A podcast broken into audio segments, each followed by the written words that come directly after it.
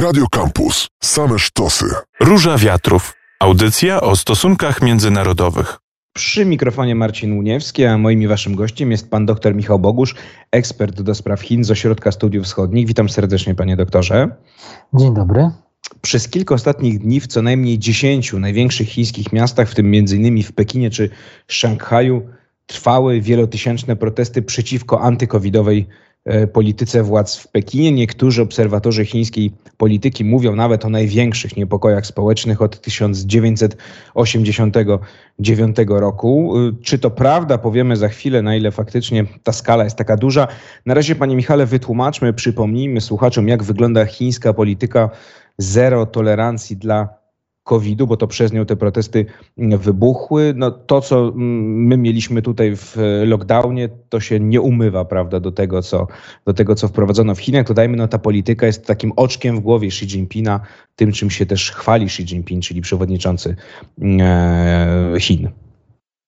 E, znaczy polityka zero COVID, czy strategia zero COVID dokładnie rzecz ujmując, polega na tym, że izolowania każdego, nawet pojedynczego przypadku e, COVID także izolowania bezpośrednich kontaktów danej osoby i wcześniej też polegała na, na, izolowaniu pośrednich kontaktów danej osoby, co w praktyce oznaczało, że jeżeli na przykład w jakimś bloku e, znaleziono, wykryto przypadek COVID-u, to trzeba było zamknąć całe osiedle. Nawet nie jeden pojedynczy blok, ale całe osiedle, to bo każdy z tego osiedla był potencjalnym kontaktem takiej osoby. To samo na przykład z miejscem pracy. Jeżeli w fabryce jakiś, któryś z robotników e, miał covid no to trzeba było odizolować całą fabrykę.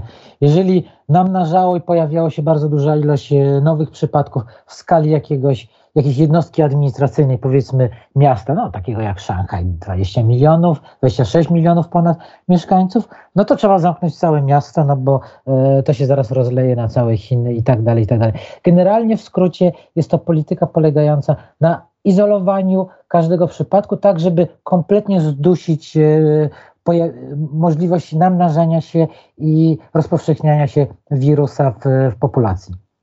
Dodajmy jeszcze, panie doktorze, jak to dotykało Chińczyków, no bo oczywiście izolacja to jest jedna sprawa, brak kontaktów z rodziną, z bliskimi, no brak możliwości wychodzenia, ale to się przykładało też, prawda, na przykład na utratę pracy. Zdarzały się takie przypadki, prawda, że ludzie po prostu tracili pracę, kiedy no, zostali izolowani na, na, na wiele tygodni. Tak, te lockdowny są długotrwałe. Lockdown w, w Rumuci, e, w Xinjiangu trwa 100 dni ponad 100 dni.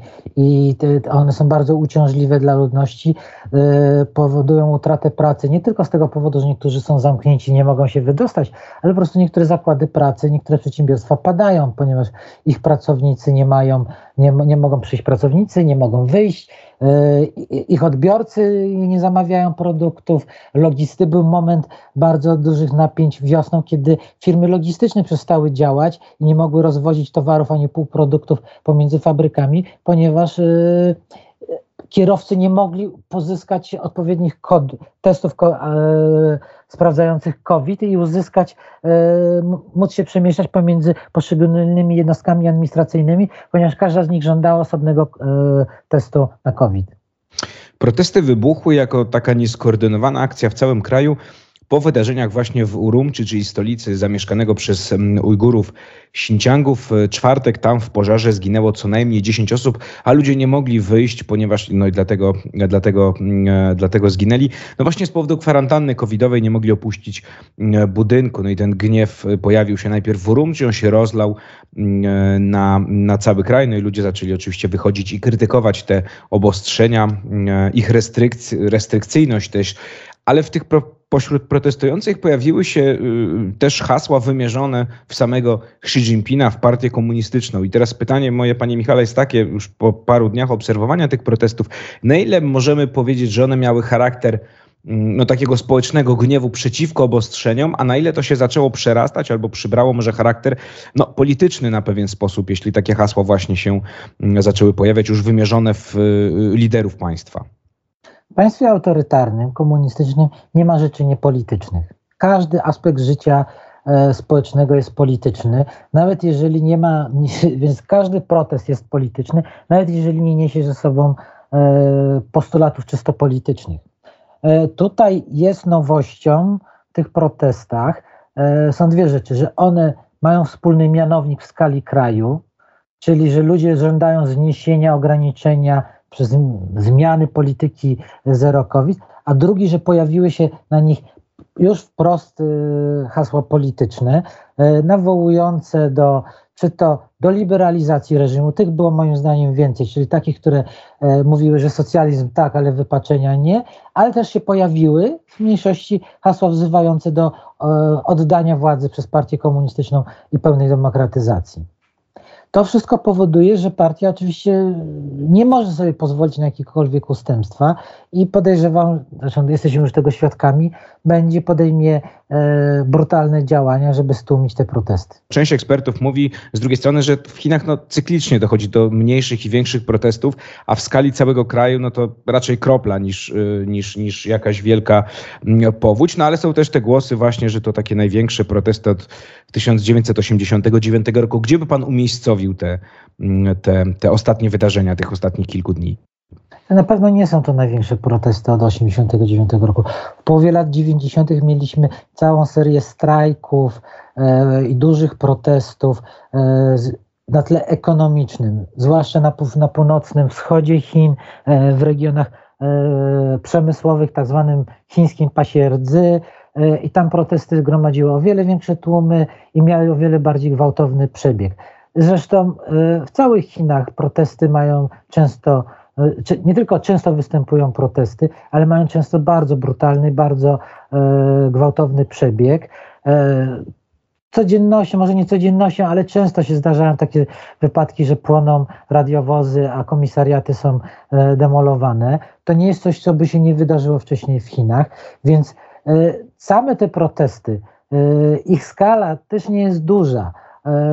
Tysiąc osób, czy nawet 1500 osób protestujących w takim mieście jak Szanghaj czy Pekin, przypominam, Szanghaj ma 26 milionów ludzi, no to to jest kropla. W całych Chinach, e, we wszystkich protestach przez zeszły weekend myślę, że mogło wziąć udział 35 do 40 tysięcy ludzi razem wziętych, razem ze wszystkimi protestami ulicznymi, występ, jakimiś meetingami na, na kampusach uniwersyteckich i tak dalej.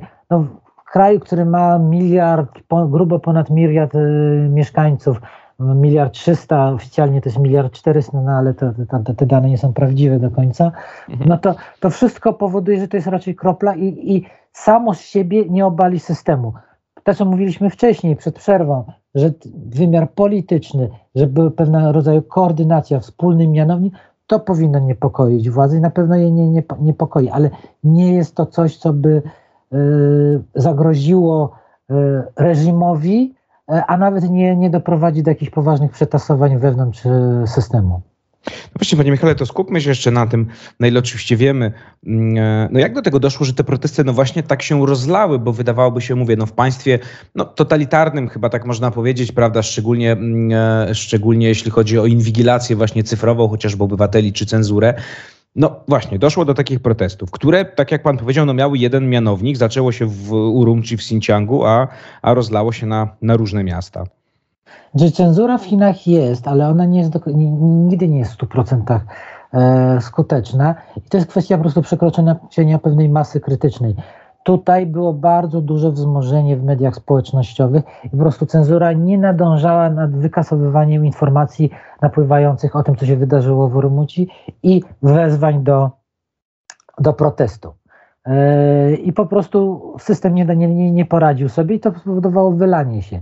Też Chińczycy coraz lepiej sobie radzą z obchodzeniem cenzury, z obchod zarówno z uzyskiwaniem dostępu do zagranicznych źródeł, jak i przekazywaniem sobie informacji pod radarem e, cenzury, różnego rodzaju, e, używając różnego rodzaju kodu, który jest oczywiście wykrywany przez cenzurę, ale oni wymyślają kolejne hasła, kolejne jakby zwroty, które wskazują dla wtajemniczonych będą jasne. Oczywiście też różnego rodzaju nielegalne środki łączności, które umożliwiają przynajmniej niektórym osobom pozyskiwanie dodatkowych informacji i wymiany, to wszystko powoduje, że nawet w Chinach nie da się kontrolować całkowicie internetu i to się wszystko rozlało. Ciekawym aspektem tego jest zachowanie właśnie służb, porządkowych. Pan słusznie zauważył, w tym kraju, w którym jest bardzo dużo i często dochodzi do gwałtownych protestów, służby zachowały się dosyć wstrzemięźliwie, przynajmniej przez te pierwsze dwa dni przez weekend. Można to tłumaczyć na różne sposoby. Jednym byłoby to, że tutaj doszło do dużych protestów, relatywnie dużych oczywiście, w dużych metropoliach, które zazwyczaj tego typu wydarzenia omijają. Te protesty mają częściej miejsce e, w zagłębiach przemysłowych, na wsi, na prowincji, na tle podziału ziemi, odbierania chłopom ziemi, e, korupcji, e, ale te duże miasta, które są na świeczniku, gdzie są zagraniczni dziennikarze, które też Pekin bardziej pilnuje, no, są zazwyczaj miejscem, gdzie rzadziej dochodzi do tego typu incydentów, z punktu widzenia, oczywiście incydentów z punktu widzenia reżimu. Mhm. I tutaj na pewno mamy sytuację, w którym istnieje pewne napięcie między lokalnymi władzami a Pekinem. E, te lokalne władze są e, zdezorientowane, e, też chcą pokazać Pekinowi, że są niezadowolone z tego, ze zmian w polityce COVID, które zostały wprowadzone 11 listopada, które tak naprawdę zrzucają na nie całą odpowiedzialność za wdrażanie polityki COVID, za zapobieganie nowym przypadkom, a równocześnie oczekują od nich luzowania, otwierania gospodarki i zapobiegania niezadowoleniu i protestom ludności. To jeszcze skupmy się, panie doktorze, właśnie na tej reakcji władz, bo z jednej strony trochę kij, no policja się pojawiła, doszło w części miast do zamieszek, chociaż tak jak pan mówi, no faktycznie te, te, te akcja policji nie była, jakby mogła być, wydawałoby się, tak brutalna. No a z drugiej strony jest trochę marchewki, no bo złagodzono część restrykcji, prawda? Przynajmniej w niektórych regionach i pewnie tymczasowo. Te y, y, restrykcje są łagodzone w niektórych regionach i tylko na poziomie lokalnym. Czyli to lokalne władze znoszą pewne obostrzenia, które najbardziej irytowały ludność w danym regionie.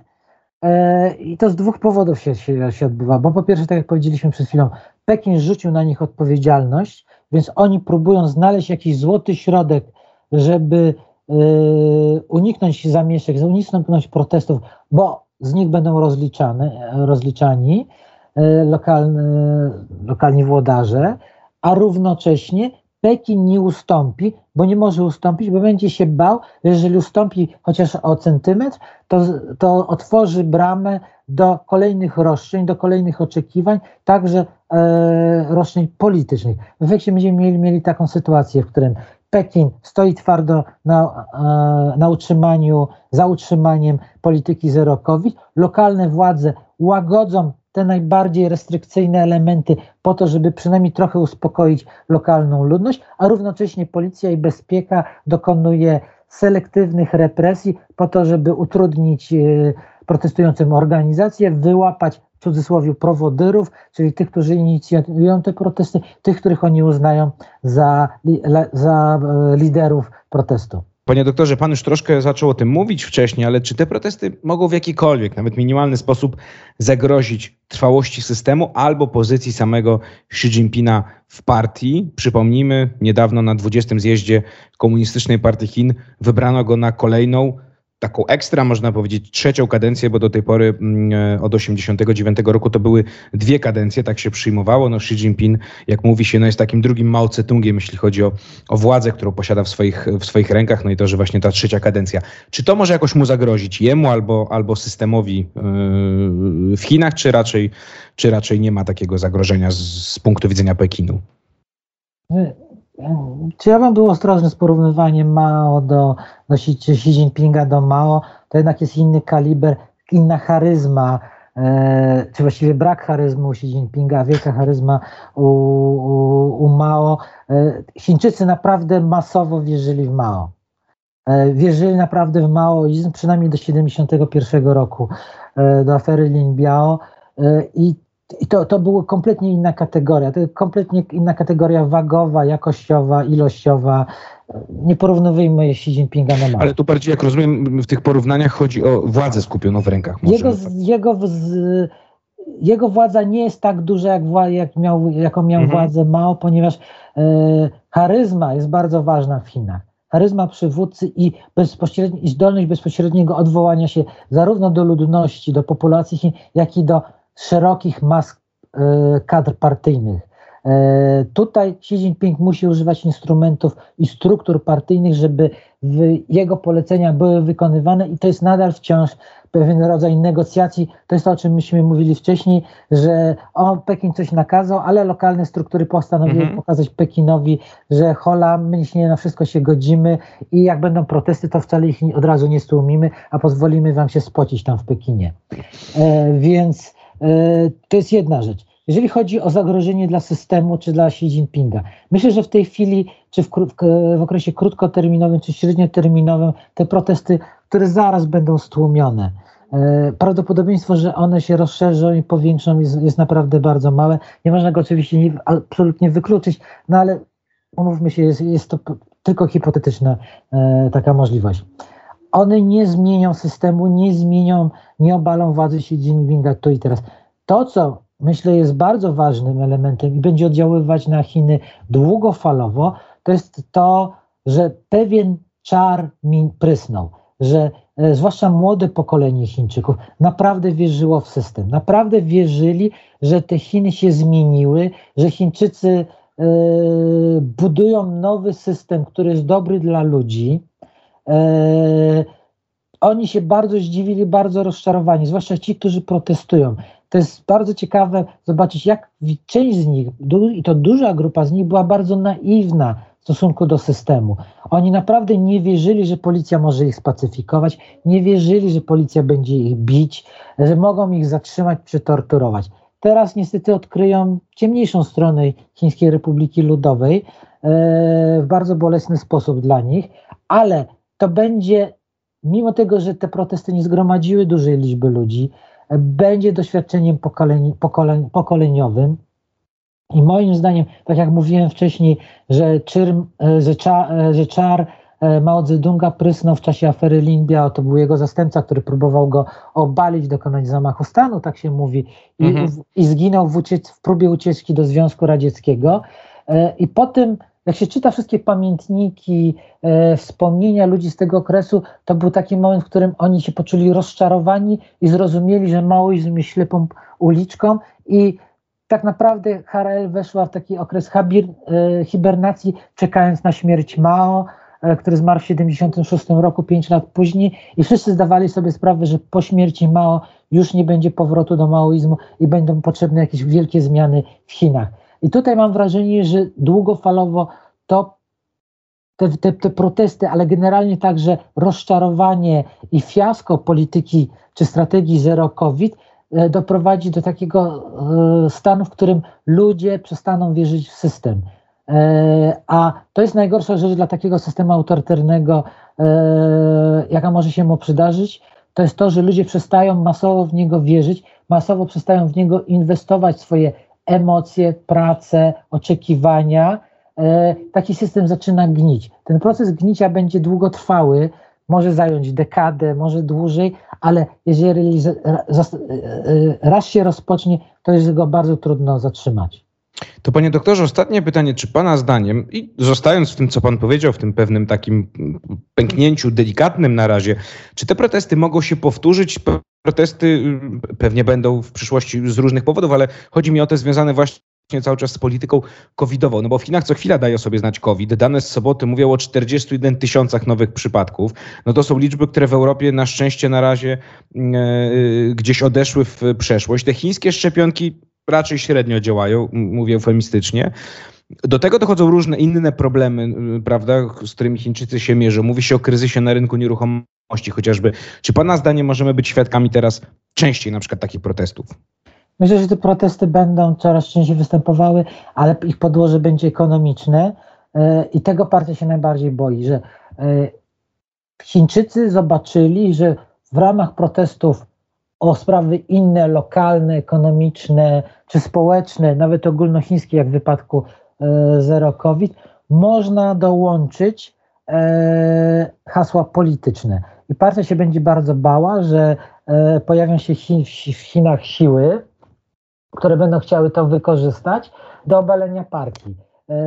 Bardzo mało wiemy na przykład o podziemiu związkowym, o organizacjach lewicowych, takich odwołujących się do tradycji e, e, e, par excellence komunistycznych, ale antykomunistycznych, mhm. tak? socjalistycznych, ale czasami także maoistycznych, I partia bardzo boi się to, co w, no, w nomenklaturze partyjnej mówi się, że partia będzie, że ktoś będzie próbował obejść partię z lewej strony, czyli będzie eskalował hasła lewicowe po to, żeby pokazać, że partia nie jest organizacją tak bardzo lewicową, dbającą o lud, tak jak powinien.